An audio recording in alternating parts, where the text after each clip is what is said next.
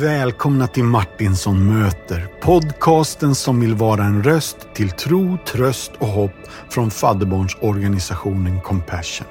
Det är jag som är Martinsson och idag ska ni få möta Urban Toms. Han är journalist och mångårig skribent på tidningen Dagen. Född i Karlshamn, Blekinge, men sedan 1985 bosatt i Stockholm. Han har ett stort och starkt intresse för människor, men också motorcyklar i allmänhet och Triumph i synnerhet. Han är en av racerredaktörerna för Dagens kulturbevakning och är en kvalificerad musiknörd av rang. Han skriver massor om musik och har en stor förkärlek för frågor som rör människor, tro och kultur. Och i dagens Martinsson möter så favoritciterar han “There is a crack in everything. That's how the light gets in” Leonard Cohen från Anthem. Han berättar om sin egen Christian Eriksen-hjärtstopp som hände honom för tio år sedan och hans liv har fått ett tydligt före och efter. Han har skapat tänkvärda texter om tro som tonsats bland annat av sångerskan Anna Martinsson. Urban har alltid en spännande story i bakfickan om det mesta. Och hans kloka tankar har förgyllt tidningen Dagen sedan 1987, vilket måste ses som en stor merit. Inte bara av svenskläraren Grufman, som nästan fällde en tår när han hörde hur långt hans adept hade kommit. Dagens avsnitt låter dig veta lite mer om mannen bakom tangentbordet och blocket. Varsågoda Urban Toms.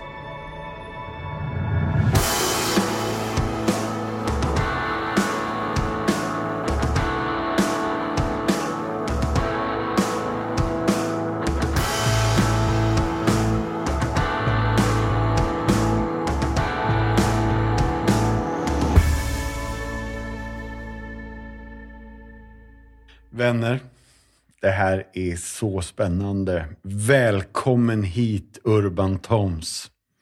Tack. Det är jättekul att du äntligen sitter i Martin, Martinsson möter och det här har vi liksom laddat för länge.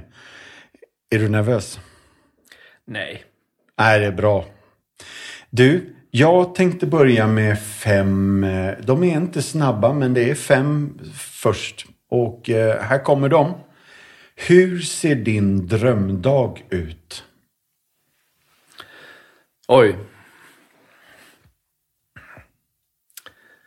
Det finns väl många drömdagar, men eh, ska jag välja en Mm.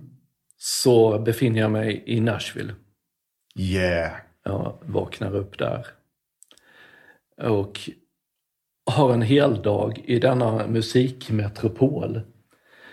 Eh, där jag besöker olika eh, speciella ställen. Eh, jag tar mig ut till The Cash Cabin. Eh, som alltså Johnny Cash eh, privata studio. Och får en privat rundvisning av hans son. Där. Yep. Eh, jag åker hem till Andrew Peterson Ja. eh, och får besöka hans skrivarstuga och få ett riktigt samtal med honom. En fantastisk låtskrivare och Ja.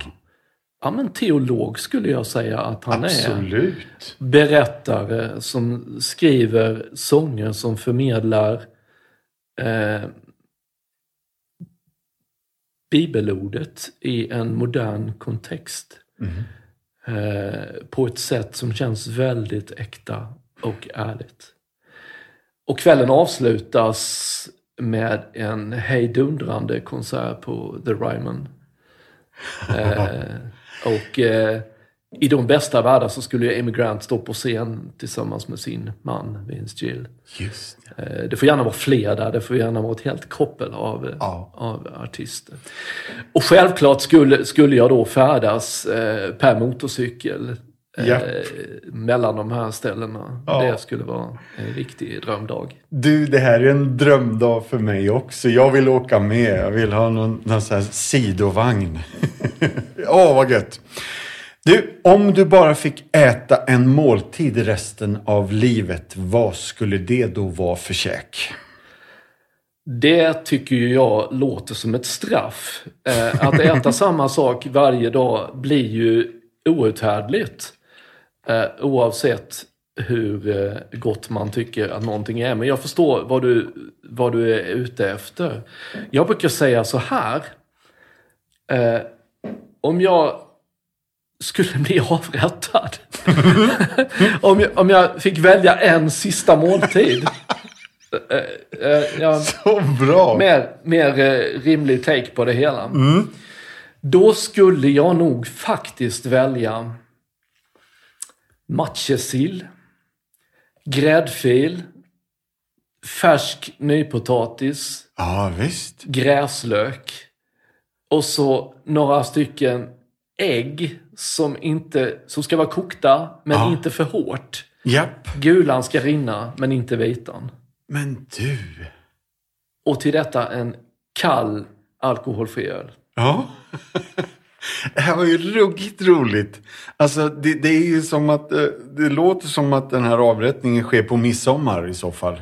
Ja, å andra sidan så äter ju vi svenskar samma mat eh, påsk, midsommar eller jul Japp. med, med ytterst få Det variationer. Det är en annan etikett på mustflaskan bara. Japp. Ruggigt gött. Fråga nummer tre. Har det någonsin hänt dig någonting som du inte kunde och fortfarande kanske inte kan förklara? Ett under eller ett tecken eller ett mirakel? Jag tror att det har hänt mig en massa sådana saker genom livet och ibland är de ju svåra att identifiera. Ehm. Jag skulle nog vilja ta fram ett av de här, ett av de här tillfällena när, när, eh, när det kändes som att alla pusselbitar föll på plats. Jag vet inte om det var ett under egentligen, men för mig var det det. Jag hade gjort lumpen. Eh, jag hade gått och väntat på det ett tag för jag fick inte rycka in på en gång. Eh, utan eh, jag jobbade något år. Städade på en fabrik. Eh, vilket var ett, ett helt okej jobb men absolut inte vad jag ville göra. Nej. Man fick äta så mycket glass man ville där men, men eh, Bra. men eh, det var, det var inte det där jag ville spendera mitt liv. Men så, så fick jag lumpen avklarad. Och det var väldigt spännande. Jag var flygledarbiträde. Ronneby. Ljungbyhed faktiskt. Ljungbyhed. F5 Ljungbyhed. En Aha. otroligt vacker plats. Eh, där det på den tiden låg den så kallade krigsflygskolan. Och där alla Sveriges piloter, även de civila, utbildades. Så det var en flygplats med mycket rörelse på. Och där var jag flygledarbiträde. Just det. Så jag satt i tornet i nästan 11 månader. Och var någon slags assistent åt flygledarna. Väldigt fascinerande jobb. Och jag var lite sugen på det, kan jag säga. Ja. Bli flygledare, wow, tyckte jag. Japp. Sådär. Men jag kände någonstans att det är inte det här jag ska ägna mitt liv åt. Och så kom jag hem. Och nu började det bli lite skakigt för att nu låg ju, nu hade jag inget att skylla på längre. Nu hade jag gjort lumpen. Och nu måste jag ta tag i mitt liv. Och jag behövde ett jobb. Eh, och eh, fick ett jobb som dammsugarförsäljare. Ja, förstås. Eh, ett av mina verkligen mest plågsamma arbeten som jag någonsin har haft. Det är precis så svårt som ni tänker er. Att knacka på dörren och få folk att köpa någonting som kostar många, många tusen kronor. Som man inte har eh, alls planerat att göra. Eh, men det var väldigt lärorikt. Jag höll på med det i tre månader. Och under den här tiden så skickade jag in några ansökningar till, dels till Journalisthögskolan och dels till Kaggeholms medielinje. För någonstans inom mig så visste jag att jag ville skriva. Det var en djup längtan. Det var det som var roligast i skolan. Jag hade, när jag, gjorde, när jag pryade som det hette på den tiden, i nionde klass, varit på lokaltidningen, Karlshamns Allehanda. Och tyckte det var så himla roligt. Eh, och det här bara att få se sina texter publicerade i tidningen eh, var fascinerande. Jag tänkte, det här, liksom. Jag älskar att berätta saker och det här var ju, wow, det skulle jag vilja göra faktiskt. Men jag var ju ytterst osäker på om jag skulle komma in. Och så en dag, den här sommaren, så kommer jag hem till min lägenhet efter jobbet. Och då ligger det ett eh, vitt A4-kuvert på hallgolvet.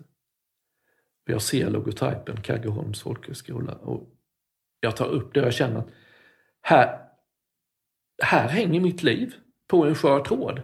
Ja. För jag förstod nästan att jag med mina betyg inte skulle komma in på Journalisthögskolan för då skulle man ha i princip 5 och 0 och det hade inte jag. Så jag sprättar upp det här och tar ett djupt andetag, drar ut kuvertet, drar ut eh, brevet och läser att jag har blivit antagen till den här utbildningen. Och den, den, den euforin och den lättnaden, det- den var för mig ett av mitt livs största under. För plötsligt visste jag, jag bara, jag bara visste att det är det här. Det var som att allt föll på plats där i den stunden. Jag, mitt liv fick en riktning. Ja. Eh, Oj. Här är ruggigt spännande redan. Om vi bara skulle bara köra några snabba. Det här är riktigt gött Urban. Ehm, nästa fråga kommer ju uppfattas helt och superfånigt banal här nu då. Men vilken är din mest använda emoji? Jag lutar åt att det är den här eh, emojin som blinkar med ögat. Ah, Eh, och det där är väl lite eh, någonting man gör för att eh, dels för att jag kan gilla och skoja och, för att att man är rädd för att bli missförstådd. Ibland, eh, jag som jobbar med, med skriven text vet ju att det, det sättet att kommunicera har ju sina begränsningar. ja. När man inte hör tonfallet, när man inte ser minerna. Eh, och om man försöker vara lite rolig, då vill man liksom understryka det på något sätt. Att det här, det. här gör jag med glimten i ögat. ja. Eh, så det kan vara den mest eh, använda. Jag har dock ingen statistik på det. Nej. Och sista här nu då. Om du kunde dela en lång trerätters måltid med fyra individer, nu levande eller sedan länge döda. Vilka fyra skulle du då välja? Den första gästen Mm. måste bli Benny Andersson. Benny Andersson. Yeah. En av världens främsta kompositörer. Och s- en man som jag upplever har ett stort existentiellt djup som jag är väldigt nyfiken på. Eh, Jag tror att det finns mycket där att eh,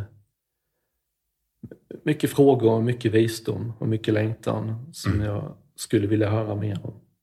Fint.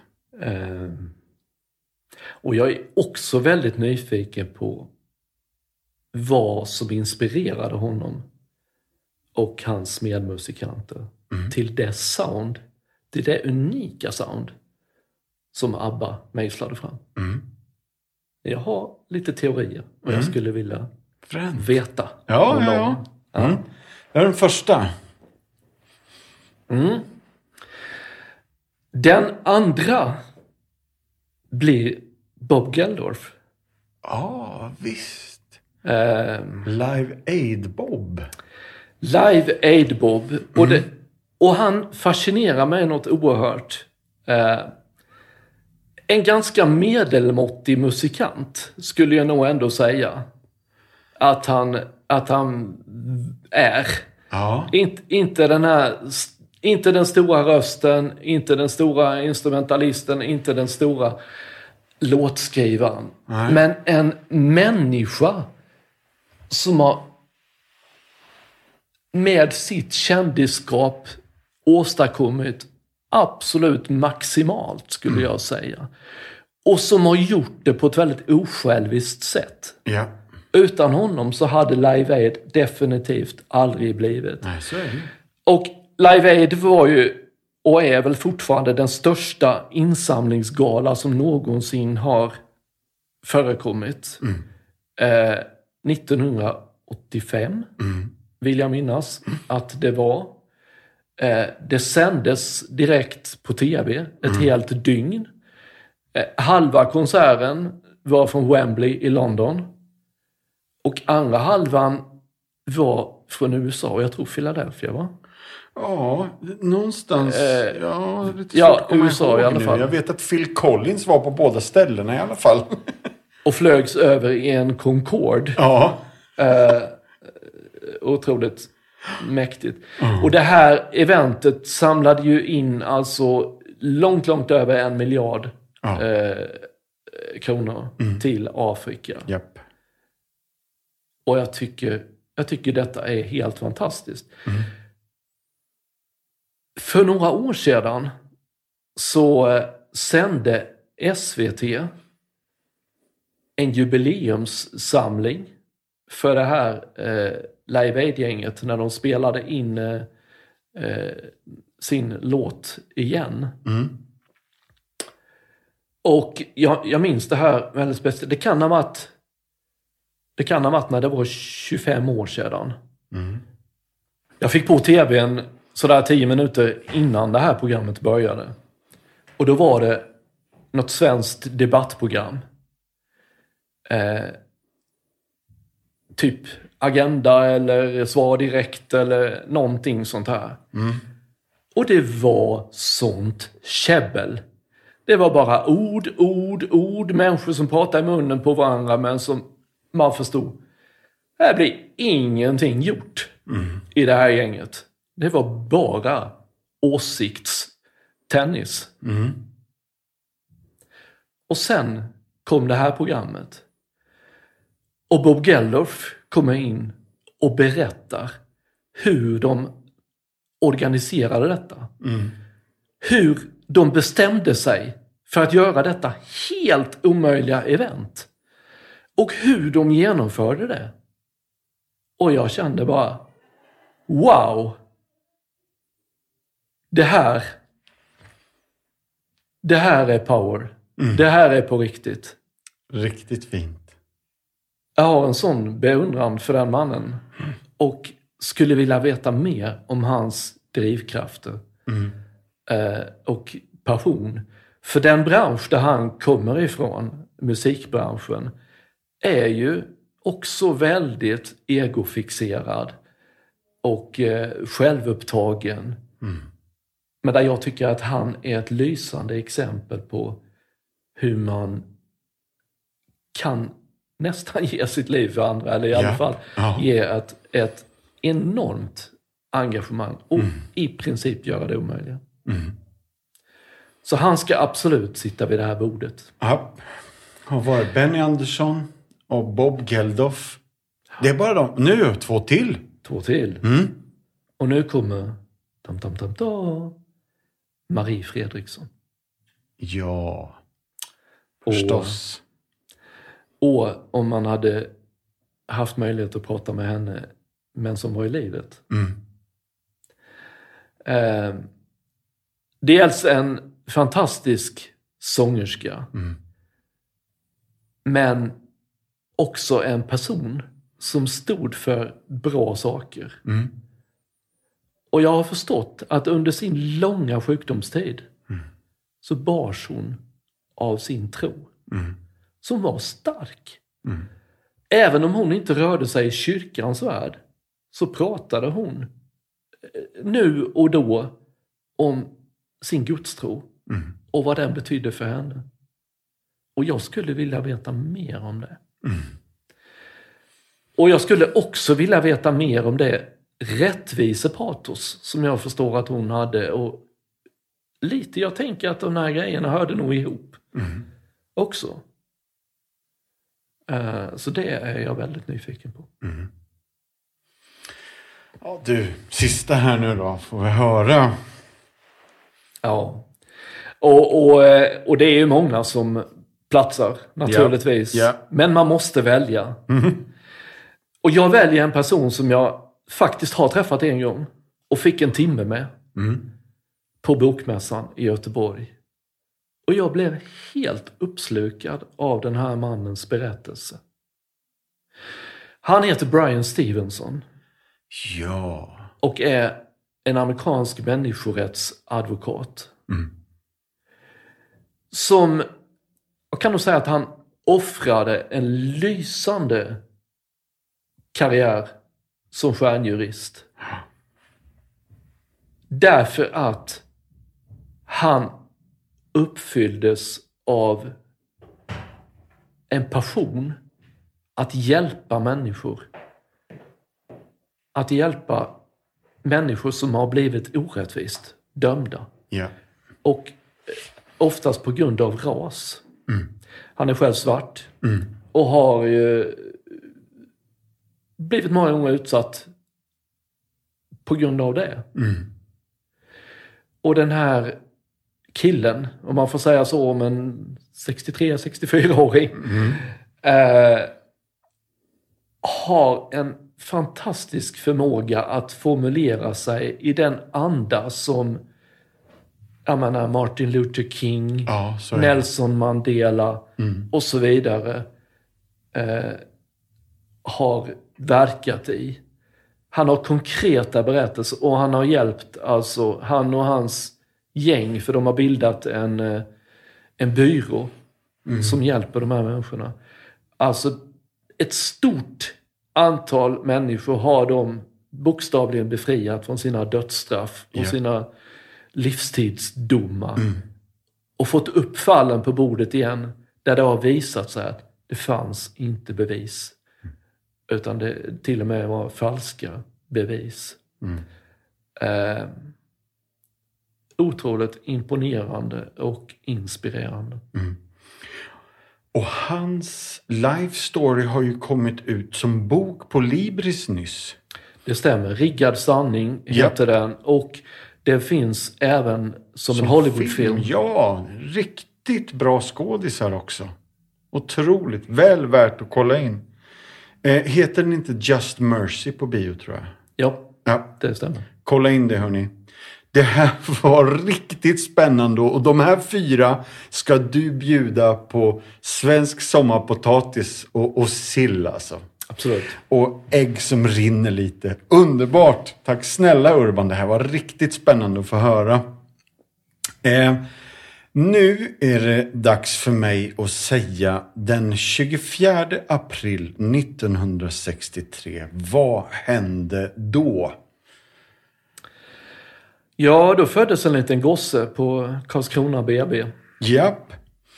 Och jag har fyra, jag tror att det är fyra orter här nu då. Du får hjälpa mig. Det finns något som heter Trensum och något som heter Hällaryd, Karlshamn och Blekinge.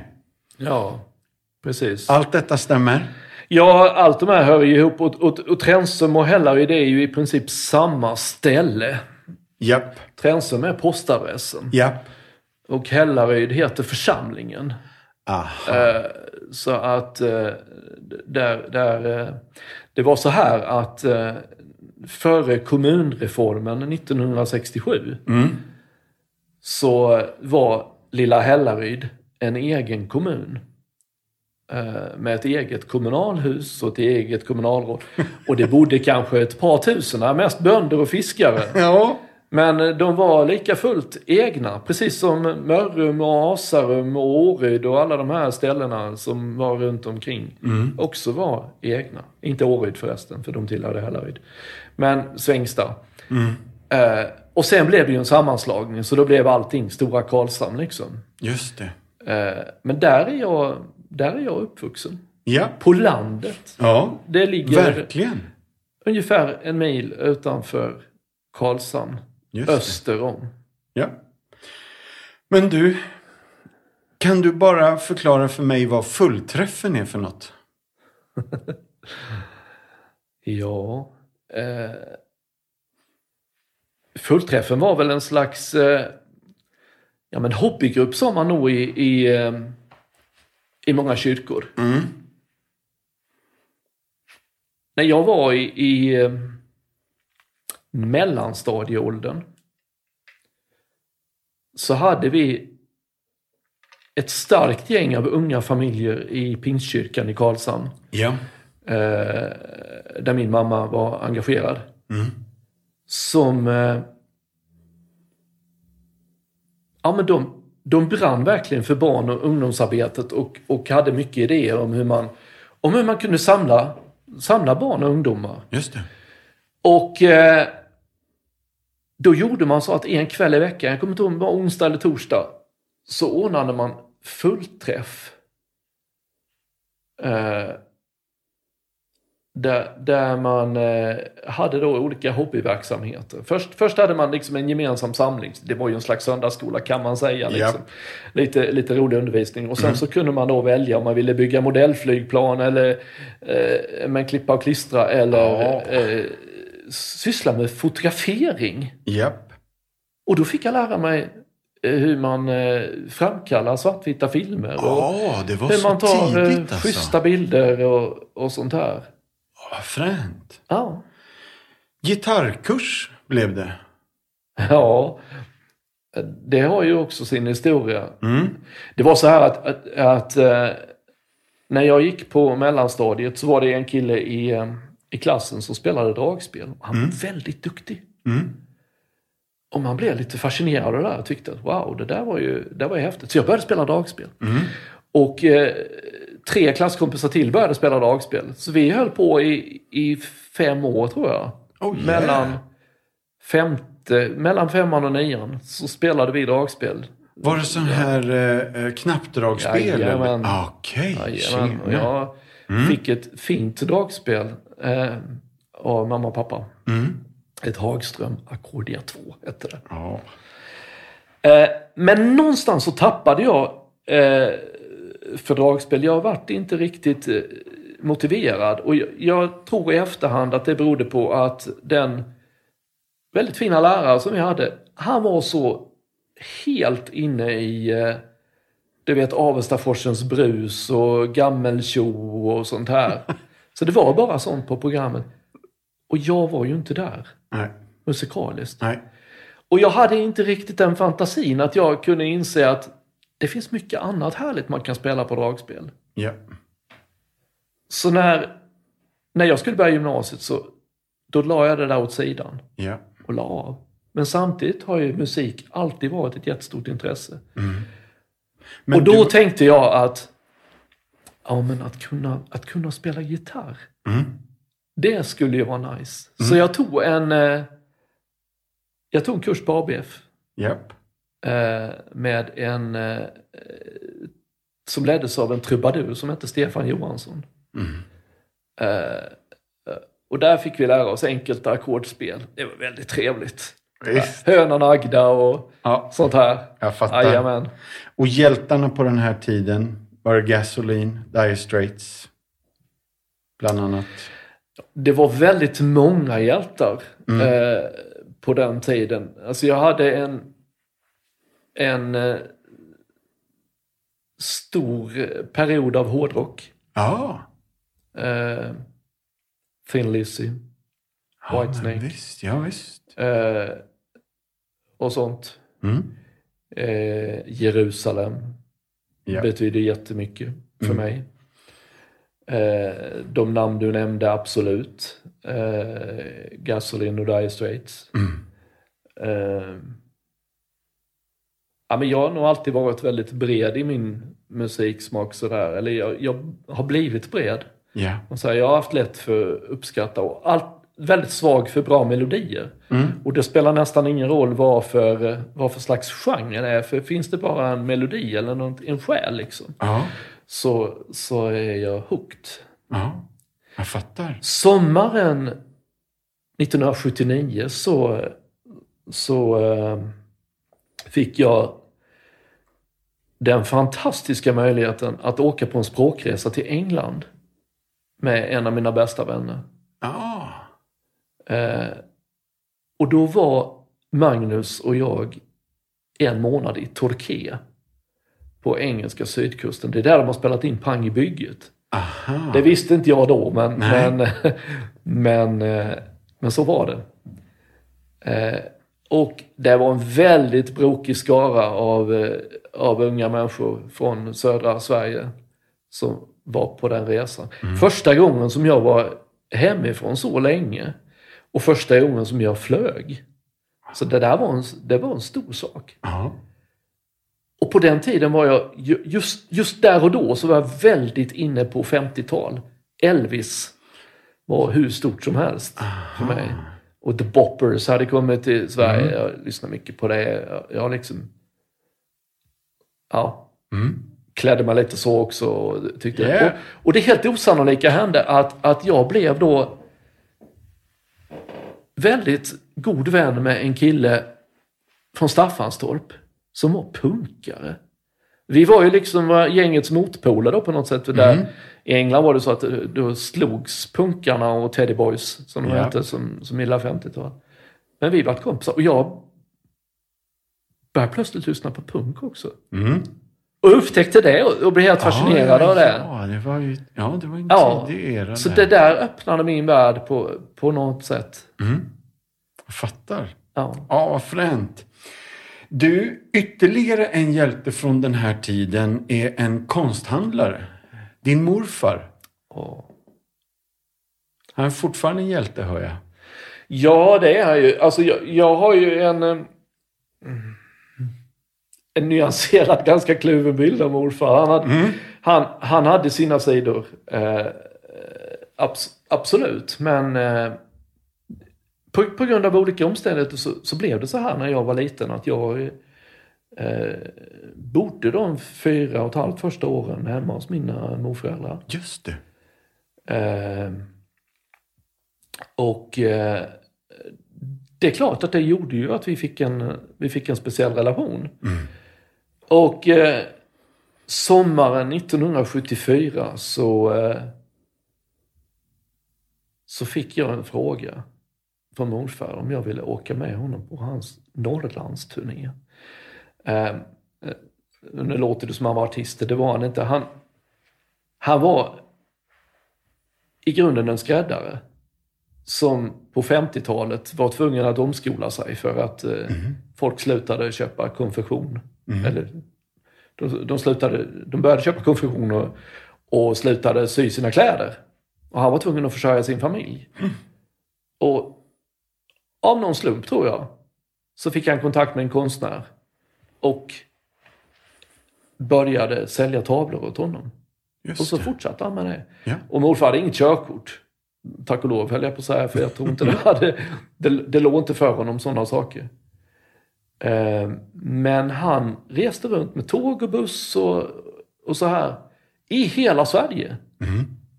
Och sålde konst. Och det var det han skulle göra den här sommaren. Och då frågade han om jag ville följa med. Och det där var ju ett, det var ett väldigt äventyr för en 11-åring. Eh, bara åka med, bo på hotell och ja, upptäcka. Jag hade ju liksom aldrig varit norr om Stockholm innan. Nej. Så i tre veckor så åkte vi runt i Norrland och vi var ända uppe i Kiruna. En dag så tog vi Malmbanan över till Narvik. Eh, Och jag kan ju fortfarande komma ihåg det där tåget och hur det liksom på ena sidan var det bergvägg och på den andra sidan stupade rakt ner i fjorden. Japp. Eh, och och eh, ja, det var ett riktigt, riktigt äventyr. Ja, vad fränt. Eh,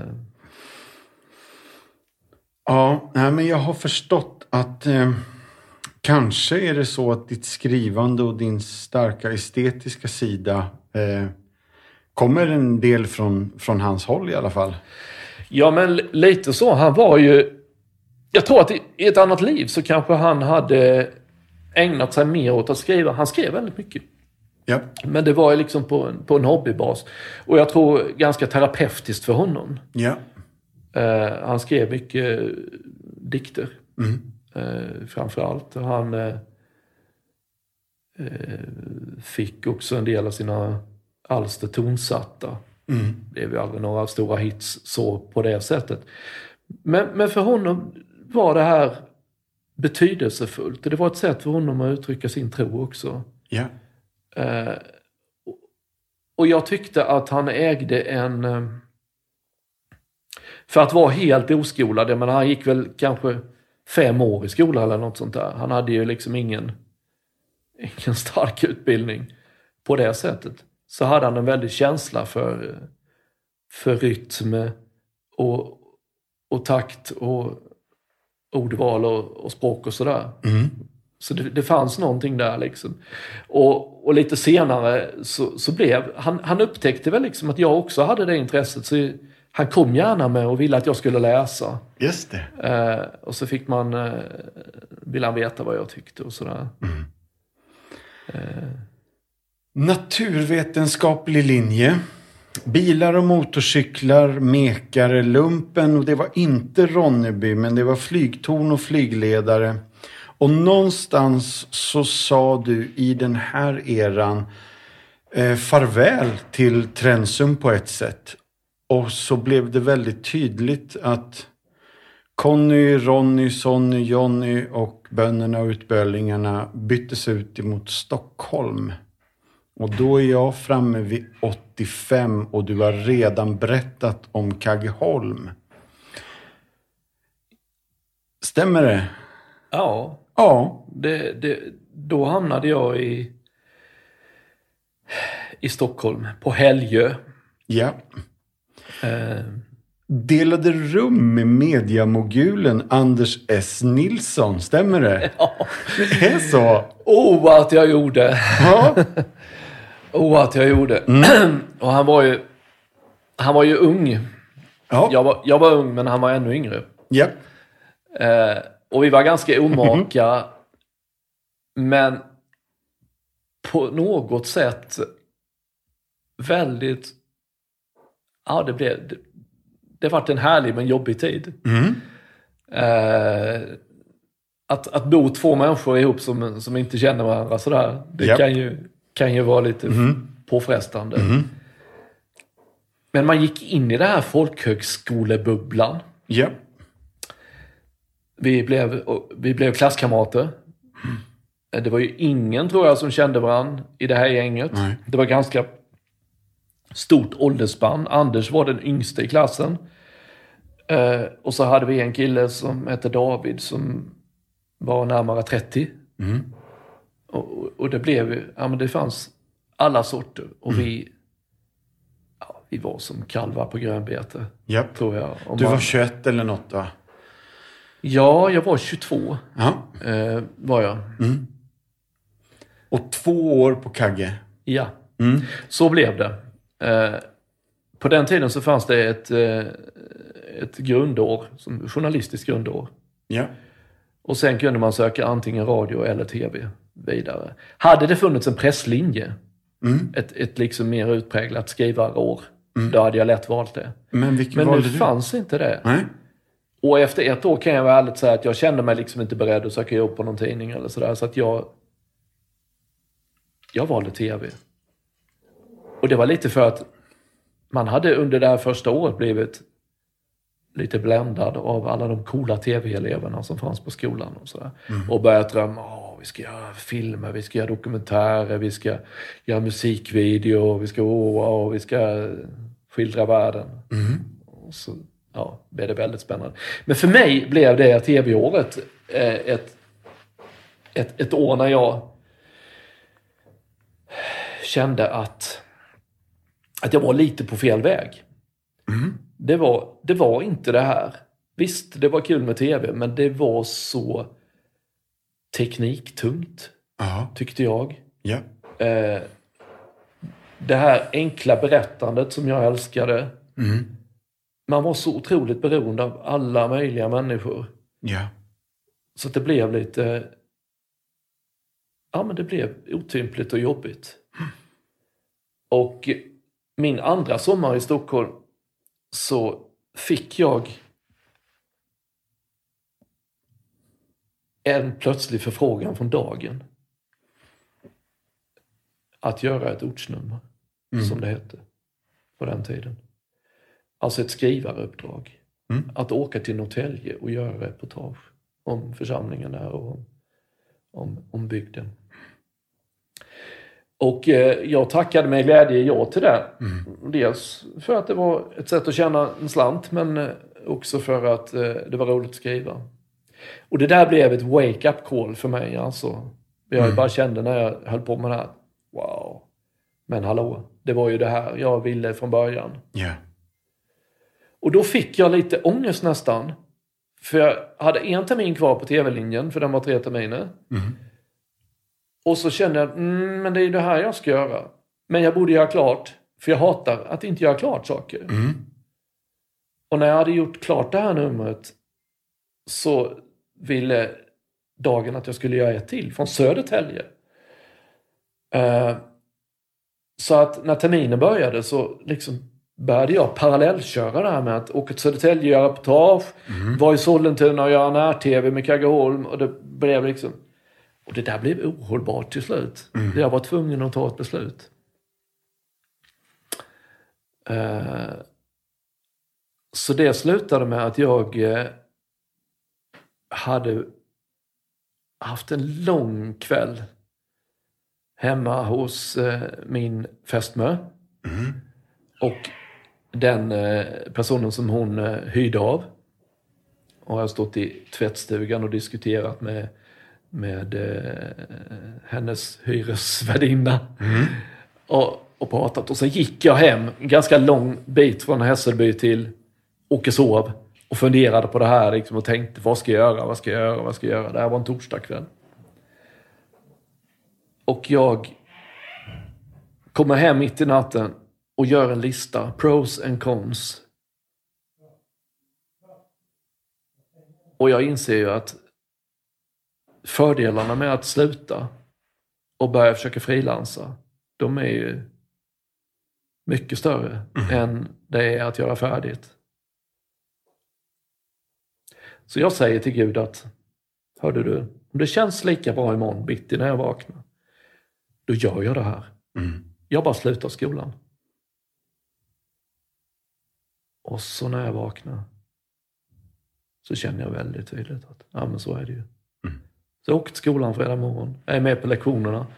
Vi slutar vid lunch eh, och eh, när sista lektionen precis eh, rundas av så begär jag ordet och säger tack för mig. Nu. Det här var min sista dag.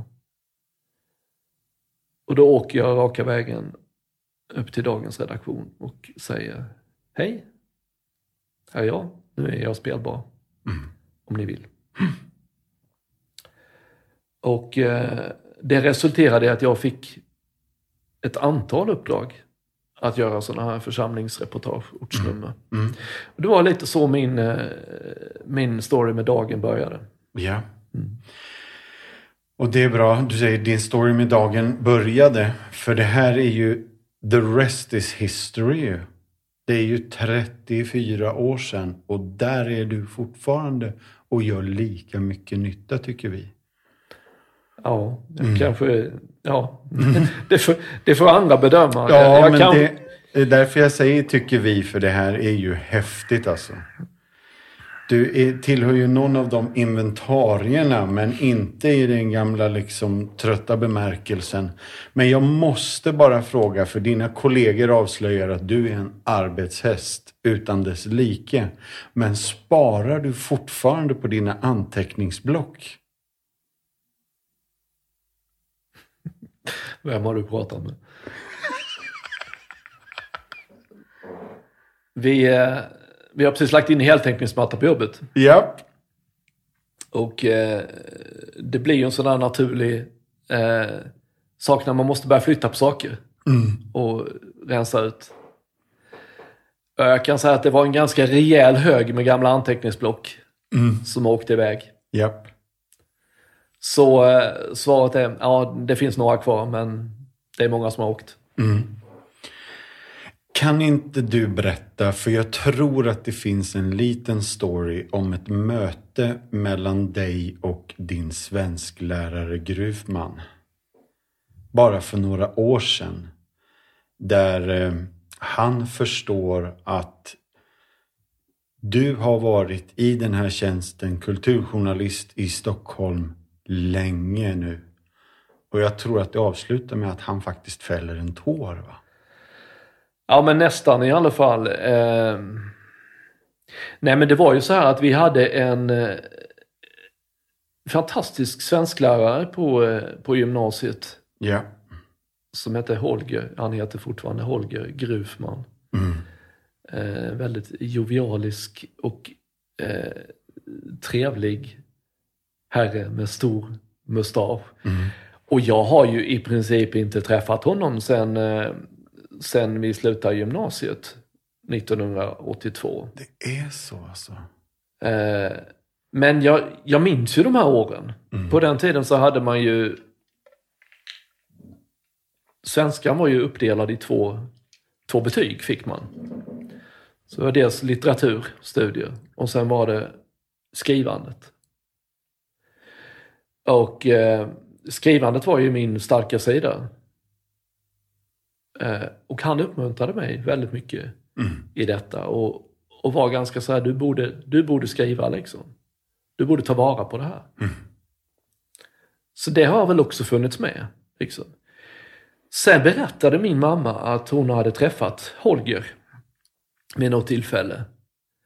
Och hur de nu liksom kände igen varandra eller så, sådär. Det var väl hon som kände igen honom men på något sätt. Mm. Liksom. Och han förstod vem jag var så, så hade han liksom sagt Nej, men det skulle ju vara fantastiskt roligt att träffa Urban. Och, och det kan jag väl tänka att man som, som gammal pensionerad lärare tycker liksom att, att det är kul att veta vad det blir av ens elever på något sätt. Och så när jag var hemma hos mamma och pappa förra sommaren.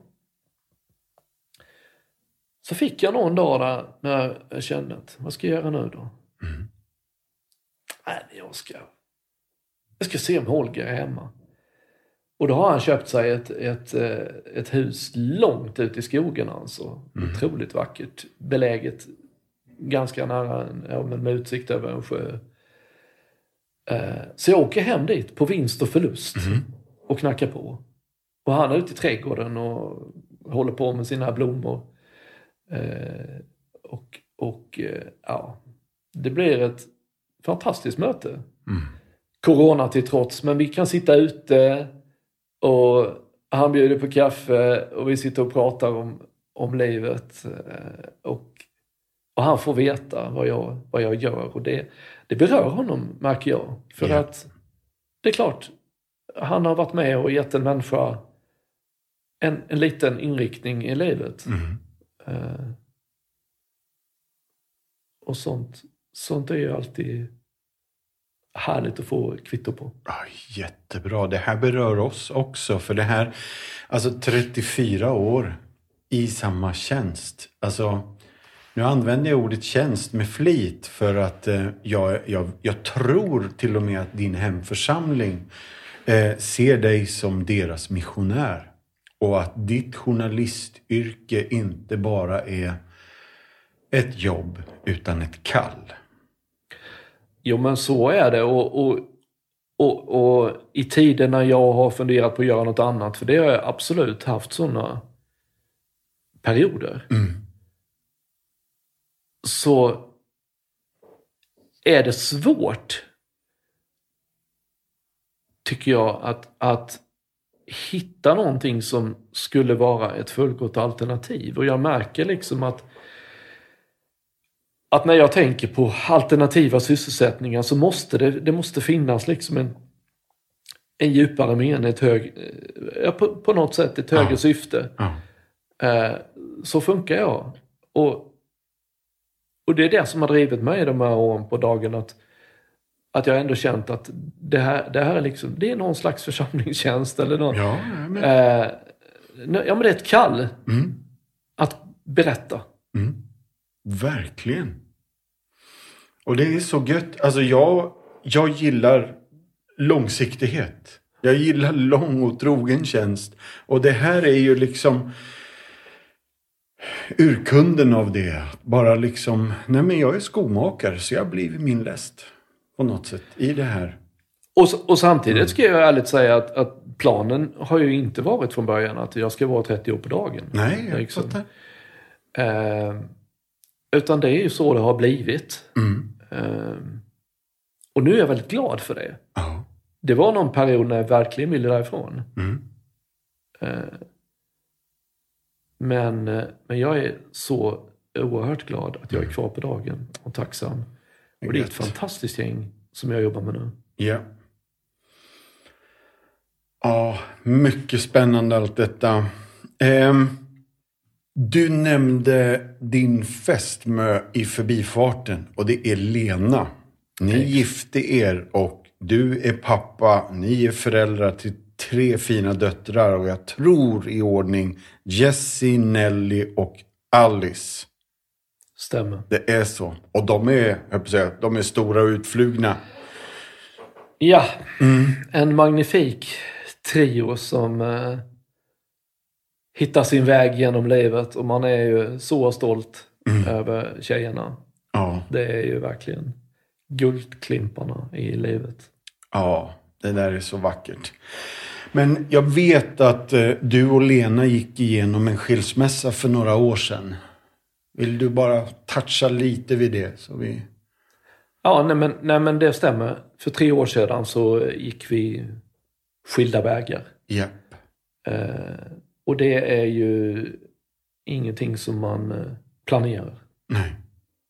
och ingenting som man rekommenderar. Men ibland, ibland är det oundvikligt. Mm. Och eh, vi, är, vi är goda vänner. Mm. Eh, jag är glad att kunna säga det. Mm. Men vi har valt att fortsätta vara det på, på varsitt håll. Mm. När jag kollade på din Facebook så finns det ju någon liten ruta där man kan klicka i sitt favoritcitat. Vet du, kommer du ihåg vilket ditt är? Ja, men det måste vara Leonard Cohen. Ja. Eh, eh, och det går ju There's a crack in everything. That's where the light gets in. Ja. Eh, från en av hans sånger. Ja. Eh, och jag kan ju se själv hur, hur sant det är liksom. Ja. Att det är, det är i sprickorna i livet som, som det blir på riktigt. Ja. Och där man eh, där man verkligen får kontakt med ljuset. Mm. Ja, det är bra. Du, när vi ändå touchar vid lite sådana här känsliga grejer. Det är ju fotbolls-EM när vi spelar in det här och Danmark hade sin match i någon fredag här och Christian Eriksens hjärta stannade. Jag tror att du har en känsla av ett före och efter i livet som hade med någon hjärtklaff att göra. Ja, men så var det. Eh, jag... Eh, vintern eh, 2007-2008 Mm. började jag känna mig ganska risig. Men jag fattade inte vad det var. Jag orkade ingenting. Jag är trött för minsta lilla. Mm. Eh, självklart gick jag inte till doktorn. För jag tänkte att jag var väl förkyld eller någonting. Men så hade jag ett, ett, eh, ett rutinbesök inbokat hos min läkare. Som jag har gått till i många, många år. Som kände mig. Så tittar hon på mig och säger, men Urban, hur mår du egentligen? Hon såg att det var något. Mm. Och när jag berättade om mina symptom så fattade hon direkt att det var någonting. Så hon sa, det där låter inte bra. Nu skickar jag dig på lungröntgen, jag skickar dig på EKG. Och eh, så fick jag ta de testerna och två dagar senare så ringer min läkare och eh, säger, du har hjärtsvikt. Mm. Du måste åka in akut till Sankt Göran. Och jag protesterade. Tyckte inte alls att det var nödvändigt. Nej. Då höjde hon rösten Mm. du, och sa att Du, så här är det. Jag bor i Bromma. Jag slutar jobbet nu. Jag åker förbi Sankt Göran och lämnar in din remiss så finns den där när du kommer. Du åker nu. Ja. Och då fattade jag. Det här är på riktigt. Ja. Och när jag kommer dit då, så, då är det inläggning som gäller. Mm. Och tio dagar senare så blir jag opererad. Eh, för det visar sig att en hjärtklaff har gått sönder.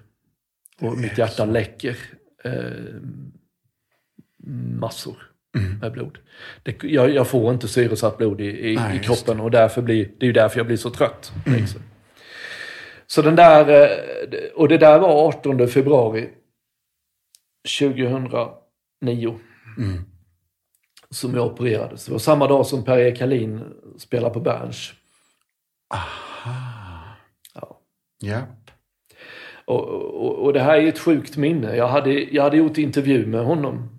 Eh, honom, Peter Hallström och eh, Per Lindvall Japp.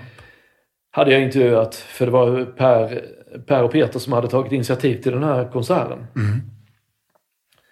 Och eh, jag hade spelat in det där på band och så. Men det var ju bara att jag hann aldrig skriva ut den. Nej, just det. Så det är den enda intervju jag gjort som någon annan har skrivit ut. Japp. För utskriven blev den. Mm. och publicerad inför konserten.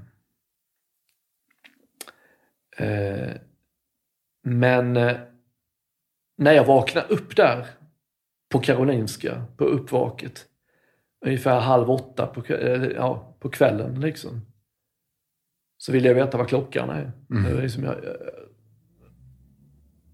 jag, hör en röst som säger, ja, jag tror att han vaknar nu. Mm. Och så kommer det fram någon och så, är du vaken? Ja. Vad är klockan? Halv åtta säger de då. Var på min första tanke. Att, jaha, då går Per-Erik Hallin på med en halvtimme. Japp. Wow, skadad. Ja. Eh, ja. Och, och eh, Hallin är ju en mycket, mycket speciell eh, musiker och vän, vill jag säga. Mm. Eh, och det visade sig sen att, att den här eh, konserten spelades ju in på, eh, på den filmades. Mm. Och eh, Per-Erik kontaktade mig sen när han hade fått eh, de här DVD-erna, eller DVDn. Mm. Och så, här, så sa du, jag vill, jag vill komma hem till dig. Jag vill att vi ska se det här tillsammans. Så han, han kom ut till mig och vi kollade på den här. Och då har inte han tittat på den själv. För han ville att, Ni Att jag- skulle se det ihop. att vi skulle alltså. se det ihop. Ah, vad gött. Eh, så vi satt där och såg den här fantastiska konserten. Så på, på sätt och vis fick jag ju vara med om den. Ja. Eh, ändå. Det var stort. Ja, fint. Och, och det säger också någonting om Per-Erik. Ja, Och verkligen. hans stora, stora hjärta. Japp. Du, om du redan har namedroppat lite musikaliska hjältar, ska vi fortsätta där? Roxy Music. Absolut. Eh, Brian Ferry. Drivande där. Eh, början av 80-talet. Mm. Eh, mycket, mycket högstadietiden förknippar jag det med. Ja. Eh, Bono och U2. absolut. Mm. Eh, Peter Lemark. ja, älskar Peter Lemark. Japp. Älskar Peter Lemark. Mm. Och, och eh, musiken, texterna, men också den, eh, den människa han är. Jag tycker han är en otroligt gedigen person. Ja. Eh, jag lyssnade på hans sommarprat. Det är väl ganska länge sedan nu. Kan det vara 2007 eller något sånt Ja. där? Det finns i, finns i arkivet. Men han pratade om den svenska kränktheten. Eh, på, ett, på ett sätt som jag rekommenderar alla att gå in och lyssna på. Det finns mycket, mycket igenkänning där. Mycket kloka ord. Ja. Bob Dylan. Ja, Ja. ja. Eh, ja. Sen vet jag inte riktigt. Är det, eh, eh, klappar hjärtat lika hårt för Springsteen? Ja, eh, i alla fall så har det gjort det. Ja, men jag Ja. tycker att, att, att Springsteen är fantastisk. Mm. Eh, så. Jag eh, har ju hört honom live Ja. på, på Stockholms stadion. Önskar att jag hade hört honom på Ullevi på den här beramade konserten när, när, eh, när de höll på... Mm. När, när hela arenan höll på att rämna. Ja. Eh, men, men då var jag inte där. Eh, och eh, ty- tyvärr är det ju så, en, en del konserter som man tänkte gå på och inte gjorde, de, det grämer man sig över. Jag fattar. Det- Jag fattar. Det finns många sådana. Ja. Du, det finns ju...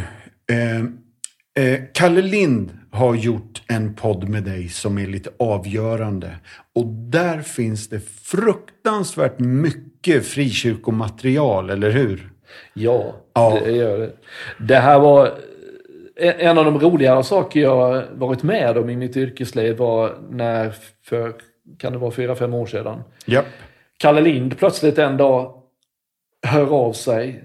Eh, och, och jag har ju liksom hört hans namn och vet att han är radiojournalist och vet att han har en podd och så här. Men så säger han att du, eh, vi, vi har den här som ni har tänkt. Och vi tänkte ju att ett avsnitt om frikyrkopop. Ja. Och alla jag pratar med säger att du måste ringa till Urban Toms. Japp. Så nu frågar jag dig, vill du, vill du vara min sidekick? Mm.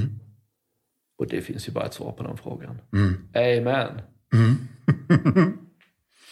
Så att eh, jag åker ner till Malmö och eh, sitter och pratar i hans studio i, i två och en halv, tre timmar någonting. Japp. Och tänker, hur i hela världen ska han få ihop ett vettigt program av det här? För det är ju så mycket liksom. Ja. Eh, dessutom så eh, vill han käka lunch efteråt så han bjuder på sushi och då pratar vi säkert i en och en halv timme till. Just det. Eh, en, en otroligt intresserad, kunnig, passionerad människa som det är omöjligt att inte tycka om. Ja. Och sen när jag väl får det här programmet för provlyssning så har han eller någon annan klippt det här så helt suveränt. För de har precis liksom stakat ut den här centrallinjen, den röda tråden har de hittat. Jag är så otroligt nöjd. Och sen finns det ju naturligtvis massor, massor som inte kom med och massa namn och folk har av Ja. sig. Du borde snackat om den och snackat om... Ja. Jo, vi gjorde det, men Mm. tiden var begränsad. Ja. Eh, Men väldigt, väldigt kul. Och, och kul också att, att någon tar kristen musik seriöst. För det har verkligen varit eh, ett, en av mina... Eh, ett av mina mål med mitt arbete på, på dagen. Ja. Eh, att, eh, att lyfta fram den här kristna musiken på ett seriöst sätt. Och få folk att förstå och uppskatta den. Ja, jättebra och jätteviktigt. Och kolla in podden. Säg vad den heter igen. Snedtänkt. Just det. Så googlar du snedtänkt frikyrkopop så får du upp det direkt.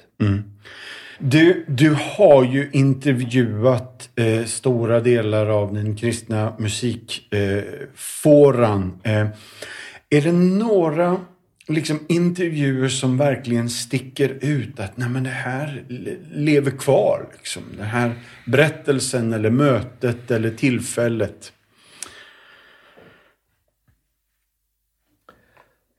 Ja, det finns ju naturligtvis sådana.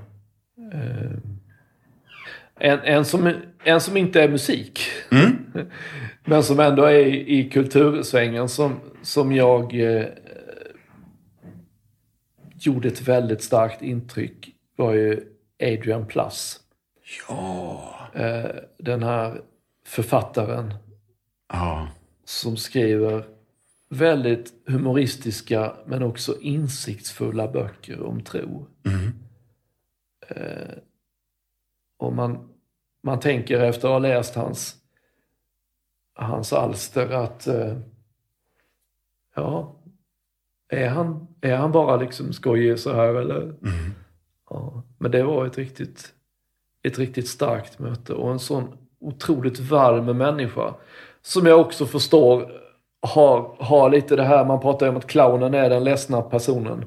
Så jag tror att han har mycket liksom melankoli och mycket, mycket egna eh, bearbetningar i botten. Vilket också gör det så, så svårt att värja sig mot. För att det, är, det finns en sån djup insikt i, Ja, i det hela. riktigt fint. Sen glömmer jag ju inte ett möte med Larry Norman. Har du träffat Larry alltså? Han spelade på Citykyrkan. Och det där, jag vet inte om man ska kalla det för en regelrätt intervju, men det blev ändå ett litet samtal eh, i, i anslutning till själva, själva konserten. Och eh, han, eh, vi pratade bland annat om Bob Dylan. Japp. Där han ju gör anspråk på att han, eh, rätt eller fel, jag vet inte. Men ändå hade en ganska betydande del i hans omvändelse. Ja. Men där jag också frågade honom hur, hur det står till med Dylan nu för tiden. Om han, om han liksom hade kvar sin tro och sådär. Och han var väldigt bestämd på att, men absolut, det var bara det att han, Dylan inte orkade med eh, liksom det här våldsamma mediedrevet och publikhatet som blev. Så han valde att lägga det på en annan nivå. Japp. Så det tyckte jag var intressant. Jag måste också nämna mötet med Kirk Franklin. Yeah. Eh, jag har träffat honom två gånger och den senaste gången eh, var när han spelade på Fryshuset här i, Stockholm. Eh, det blev en sån här efter konserten-intervju som jag inte är så jätteförtjust i. Nej. Därför att då är artisterna ofta slutkörda. De vill bara åka och äta och sova och, och så här. Det blir ganska forcerat. Är min erfarenhet. Men inte med Kirk. Jag fick 40 minuter med honom. Och han var närvarande hela tiden. Han var personlig, han var uppriktig, han var lyssnande, han var fantastisk. Eh, det var ett möte som jag uppskattar jättemycket. Jag fattar. Eh, och, och jag upplever även, även om det har blåst upp till en och annan skandal kring hur han har fallit i sin mänsklighet på olika saker. Så uppfattar jag honom som en väldigt genuin, ärlig person. Eh, som, som, inte, som inte hycklar. Eh, det, det var härligt att se. Mycket fint. Ja, du, det var spännande namn alltså. Ehm, du, innan vi går ner för landning, så jag måste ställa eh, två funderingar till eh, och sen ska jag prata lite om compassion. Men du är ju musikjournalist, men sen bara något år tillbaka så kan ju du också titulera dig textförfattare. Du har gett dig in i branschen som du själv granskar. Tillsammans med Anna Martinsson har du skrivit åtminstone en låt. Är det flera? Alltså det är bara en som är inspelad. Ah, Okej. Ja. Vad heter den? Jesus visar vägen, Just det. heter den. Är det nervöst? Ja men alltså, eh, jag har ju recenserat skivor sedan 80-talet. Japp. Eh, och eh, det finns för några brutala sågningar längs vägen. Så även om jag har blivit, jag har nog blivit snällare eh, med åren. Sådär. Men framförallt så, så har jag ju liksom haft väldigt mycket synpunkter. Jag vet vad jag själv irriterar mig på. Inte minst i texter som har med åren blivit allt viktigare för mig. Liksom. Verkligen, när jag, när jag själv lyssnar på musik. Ja. Jag, nu är jag på nivån att jag, att jag stänger av radion om det är en för dålig text. Eh, och, och det, kan ju vara, det kan vara en bra låt men en dålig text. Och då stänger jag av för jag vill inte ha den här låten i huvudet. Jag vill inte sjunga den här refrängen. ja, just det. Eh, och, och så var jag inte förut. Så att, att det är klart att har man haft mycket synpunkter på andra och, och pratat om att ja, det där är klyschigt och det där är si och så. Mm.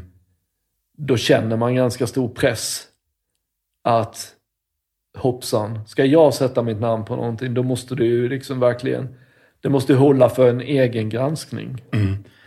Och det, det här låtskrivargrejen började ju egentligen med att Anna och hennes pappa Mikael, Mm. Din bror, Jajamän. eh, de brukade ju ha musiken i gudstjänsterna i Mellarkyrkan med jämna mellanrum. Jag tyckte alltid väldigt mycket om det för de, de gjorde det väldigt passionerat. Och, och det var alltid extremt bra förberett och extremt väl valda sånger. Man, man kände verkligen, oh, oh. Man fick rysningar nästan bara, bara, oh den, och nu kommer den. Alltså det var så fint. Och Så jag brukade tala om det för dem också, för det vet jag att det uppskattar folk. För, för att höra liksom att det här var bra. Och den här gudstjänsten som var för tre och ett halvt år sedan tror jag, i januari söndag, var sådär också speciell. Så jag berättade det för dem efteråt. Det här, då fick ni till det och det var fint och sådär. Och då, då började de eh, berätta för mig. Då sa de, men vi har pratat om, vi har pratat om musiken i Mälarkyrkan. Det, det är ju roligt med den här repertoaren som vi har. Men, sa de. Vi tycker att det vore ju roligt om vi också hade våra egna sånger Ja. i Mälarkyrkan. Och då funderar vi på vad finns det för folk i församlingen som skriver? Och du skriver väl Urban? Mm-hmm. Ja, ja, vadå? Jag har skrivit artiklar varenda dag i 30 år, men jag skriver inte sånt här, sa jag. Vilket var en vit lögn kanske. Eller, för, för samtidigt så visste jag att hemma låg ju hundra lappar med du vet, strofer och sånt som har kommit till en, men som man tänkte att men det här kanske jag kan göra någonting av någon gång och så, men aldrig fokuserat på det. Men sen när jag gick från kyrkan den söndagen, då var det som att någonting hade väckts. Det hade öppnats en dörr där. Och jag blev så vansinnigt taggad på det här. Att pröva ett annat sätt att utöva mitt skrivande. Ja. Och när den dörren väl öppnas så, så liksom... Då började jag lyssna mer inåt och uppåt. Och så plötsligt en dag så, så, så bara kommer de här och jag... Det här rinner ur mig ganska lätt. Och så filar jag lite på det och det kommer ytterligare någon vers. Och jag skriver ner detta och tänkte, mm, ja, men det här kanske jag skulle... Men sen gick det ju ett antal veckor innan jag vågade ta den här utskriften och gå till Anna och Micke och säga, mm, det här är någonting jag har skrivit och ni kanske kan göra något med det. Men jag gjorde så och, och eh, det tog inte alls lång tid så hade Anna gjort en melodi. Som jag bara kände, men hon har precis fattat vad jag var ute efter. Det var så här jag kände. Gött. Eh, och det var en det var en helt ny slags tillfredsställelse. Eh, och det blev också början till att jag lite mer organiserat eller lite, li, lite mer aktivt började leta efter de här öppningarna och, och skriva lite mer. Så. Och sen har jag också skrivit en del låtar med min brorsa, Yeah. faktiskt. Ubbe och Tobbe. Ja, inte Ubbe då. Nej. Nej. Åh, vad bra. Du, tack för allt detta. Kolla in, ni som lyssnar. Anna Martinssons platta finns på Spotify och lite överallt med en text av Urban Toms. Och Martin som är ett S. Ja, just det. Martinsson med ett S. Det är viktigt i våran släkt. Det var jättefint att du tog upp just det, Urban. Nu ska jag ta upp min sista grej innan jag pratar lite om compassion. Och då vill jag visa dig en bild och så vill jag att du berättar för dem som lyssnar vad det här är och betyder för dig. Ja. Det där är ju Betty. Japp. Black Betty. Som hon, hennes fullständiga namn är. Japp. Hon är en uh, Triumph Speedmaster Just från det. eh, 2004. Och hon kom till mig tack vare alla mina vänner Ja. i allmänhet och en väldigt speciell vän i synnerhet. För det var så här när jag skulle fylla 50 så, eh, så hörde min gode vän Tobias Fischer av sig till min familj. Och så frågade han vilka, vilka tänker ni bjuda på festen? Mm. Och han lyckades fiska upp en, en han fick en inbjudningslista. Och så sätter han sig ner och ringer till, ja, till alla. Jag tror att han tog lite hjälp av några med den här rundringningen, men, men de ringer runt i alla fall. Ja. På hans initiativ. Och säger ungefär så här att nu när Urban fyller 50 så tänkte jag att vi ska inte ge honom en massa skit som han inte vill ha. Mm. Utan jag tänkte att vi samlar ihop till någonting som han verkligen vill ha. Jag vet ingenting om detta. Jag, är, jag har inga förväntningar mer än att, att det ska bli en fest att det ska bli roligt att träffa mina vänner och samla dem och, och ha dem tillsammans. Mm. Och vi har hyrt en lokal eh, nere på stan, eh, Stefanskyrkan. Och där en lördag i början på maj så, kommer, så händer detta. Och jag är bara jätteglad. Liksom. Och bland det första som händer är att Jessie då, min äldsta dotter, kommer fram och håller ett tal till pappa. Som avslutas med att jag får komma fram, jag får ett kuvert och när jag öppnar kuvertet så innehåller det en check och en pusselbit. Eh, checken är på 2 500. Pusselbiten, det säger mig ingenting. Så går det över 10 minuter kanske, så kommer det fram en ny person. Nytt tal. Nytt kuvert. Check, pusselbit. Och sen håller det på så hela festen, liksom, att det kommer fram folk. Och det regnar gött. kuvert och pusselbitar. Och till slut så står jag där med 16 kuvert och 16 pusselbitar. Och när jag pusslar ihop dem då, då blir ju det en motorcykel. Och de som kan sin matte då förstår att 16 gånger 2,5 det är 40 papp.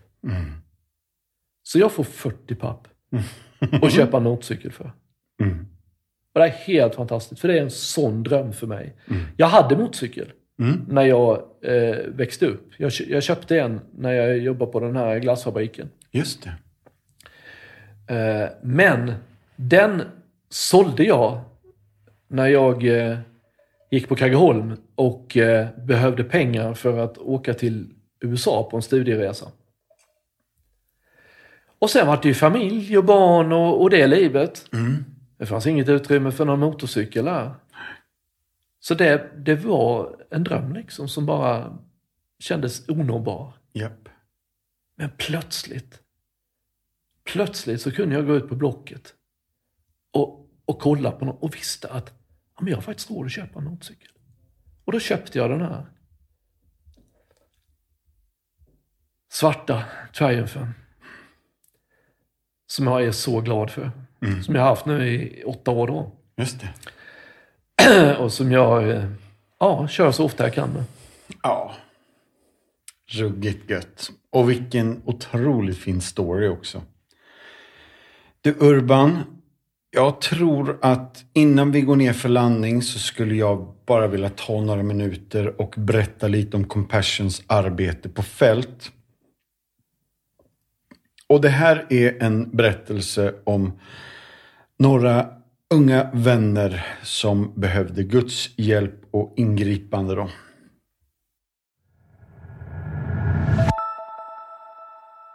Undrar du om dina ord gör skillnad? Fortunes strålande ansikte säger oss allt. Det är sexåringen från Togo som väntade ett år på sitt första brev från sin fadder. Slutligen fick familjen ett samtal från hennes Compassion Center och socialarbetarna där. Ett brev hade anlänt och väntade nu på Fortune. Fortune rusade genast ner till centret tillsammans med sina föräldrar och när hon höll i brevet, hon hade det i sina händer, så utropade hon Woho! Är det här min fadder? Har vi fått ett brev? Prisa Gud! Hon kunde inte hålla tillbaka alla sina känslor. Jag var så glad min son. Min fadder hade tänkt på mig och skrivit ett brev till mig. Brevet var det första av många och hela familjen läste dem alla. Jag tyckte om att läsa hur Fortunes fadder delade Guds ord med oss och hur hon berättade om att Gud arbetade i hennes liv för att föra hennes man till Jesus. Så jag blev så rörd av hennes berättelse, berättar Tsokeo som är Fortunes far. De blev så inspirerade av hennes tro att de själva bestämde sig för att de också skulle följa Jesus. Så till dig som skriver brev till ditt fadderbarn, tack för att du skriver. Dina ord har en otrolig inverkan. Compassion är alltså en kristen fadderbarnsorganisation som funnits i snart 70 år och vi hjälper över 2,1 miljoner fadderbarn i 25 länder. Vårt uppdrag det hittar du i Markus evangeliet 16 och 15. Gå ut i hela världen, predika evangelium för hela skapelsen. Så, som svar på missionsbefallningen existerar alltså vi som en förespråkare för barn i nöd för att frigöra dem från andlig, ekonomisk, social och fysisk fattigdom. Och vi vill vädja till dig att tillsammans med oss förvandla liv. Du kan bli fadder idag och för 310 kronor i månaden kan du kliva in och göra en avsevärd skillnad i ett barns liv. Gå in på vår hemsida www.compassion.se och signa upp dig på ett fadderskap redan idag. Tycker du att det låter mycket? Tänk då på allt det ger till den du gör det här för. Och vill du så kan du gå samman med någon annan så att ni gör det tillsammans. Nu då Urban, hur har jag pratat klart om compassion? Någon tanke, någon kommentar, någon fundering? Jag vet inte om du tänkte på det, men alla de här fyra personerna som jag ville ha med vid, vid mitt bord. Yep. Känner jag är människor som är ganska osjälviska. Mm. Och jag tycker på något sätt att det är det som kännetecknar en stor människa. Att man tänker mer på andra än på sig själv. Um, och jag tycker det, det, det, är några av de fina saker jag har fått med mig, både, både från min familj och från min församling. Mm. Att man bryr sig om andra. Jag vet när vi eh, växte upp där i Pingstkyrkan i Karlshamn så hade vi ingen eh, eh under några år ingen ungdomspastor ingen speciell så, utan vi blev själva, några stycken av oss, en slags informella ledare. Så. Och även om det inte var uttalat så hade vi, vi hade några principer, som jag insett i efterhand, som styrde oss. Eh, och en av dem var att alla, alla ska få vara med. Yeah. Alla ska få vara med. Och du ska veta att det var de mest konstiga udda typer mm. som kom. Och det var inte alltid smärtfritt. Det kunde vara rätt jobbigt när man ville vara med de coola. Liksom. Och så fick man alla de här ja men, citationstecken konstiga mm. på köpet. Liksom. De som liksom skavde. Men vi hade i botten så tydligt klart för oss att det vi pratade om i kyrkan, det var inte på riktigt om vi inte inkluderade de här människorna Mm. också. Och jag är så väldigt glad att, att det ligger det ligger där som ett DNA i mig från den tiden. Och jag tänker att i, i, i en tid när vi liksom håller på att exkludera människor på olika sätt i det här landet så tror jag att det här är så otroligt viktigt att påminna sig om. Mm. Att Guds rike är inkluderande.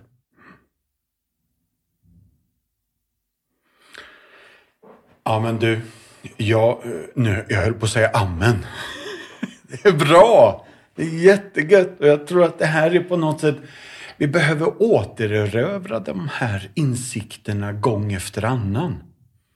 Så att vi inte bara tänker att jo men det, det kan vi och det har vi och det har vi gjort sådär. Utan leva medvetet, aktivt och utåtriktat för andra. Inte bara som att jag som privatperson utan vi också som kyrka. Men jag gör skillnad i och med det här lilla jag gör och ger. Det är ah, jättebra Urban. Tack. Eh, jag vet ju att Bono är en av dina liksom hjältar och vi har redan touchat vid honom och hans liv. Han har ju det här diakonala patoset på något sätt.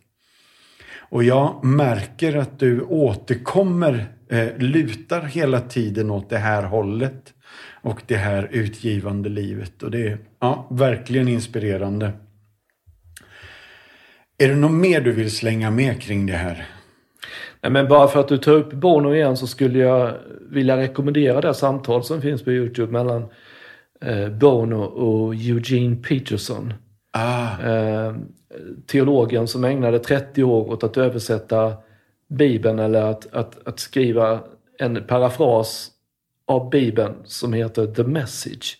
Så för övrigt i hösten kommer som helbibel på svenska. just det. Eh, de möttes vid, vid ett tillfälle efter, efter väldigt många försök eh, där Eugene hade ja, men nobbat eh, Bono. Eh, vilket hans barn blev helt vansinniga på. vad, vad, vad håller du på med liksom? Men hallå, så här, jag håller på att översätta Jesaja liksom. Ja. Det, det är mycket viktigare ja. än att träffa Bono. Men till slut så, så kom Bono hem till Eugene eh, i deras fantastiska stuga som ligger någonstans på ett naturskönt ställe. Och där har de ett samtal som, som delvis filmades då. Och det är ett sånt rikt samtal om, om tro och förtröstan, om nåd och, och visshet. Riktigt gött. Då Urban skulle jag bara vilja säga tack snälla för att du tog dig tid att komma till Martinsson möter. Tack för att du är den du är. Transparent, öppen, personlig. Och att du har gjort det du har gjort så trofast och så länge och så bra. Tack snälla Urban. Jättegött jobbat och vi är så glada att du är kvar på dagen och gör det du gör. Hörni, jag säger slut för idag. Det fina med podd är att det inte syns när man rodnar. Tack för idag vänner. Slut för idag och tack för idag allihopa. Vill du veta mer om det som har pratats om i podden så har vi något på vår hemsida som heter Show Notes. Där kan du se alla länkar till sånt vi pratar om när vi refererar till en film eller en bok eller en sång. Då finns de länkarna där, så gå in på compassion.se så hittar du helt enkelt massa extra material. Tack, ha det bra, bye bye, hej då!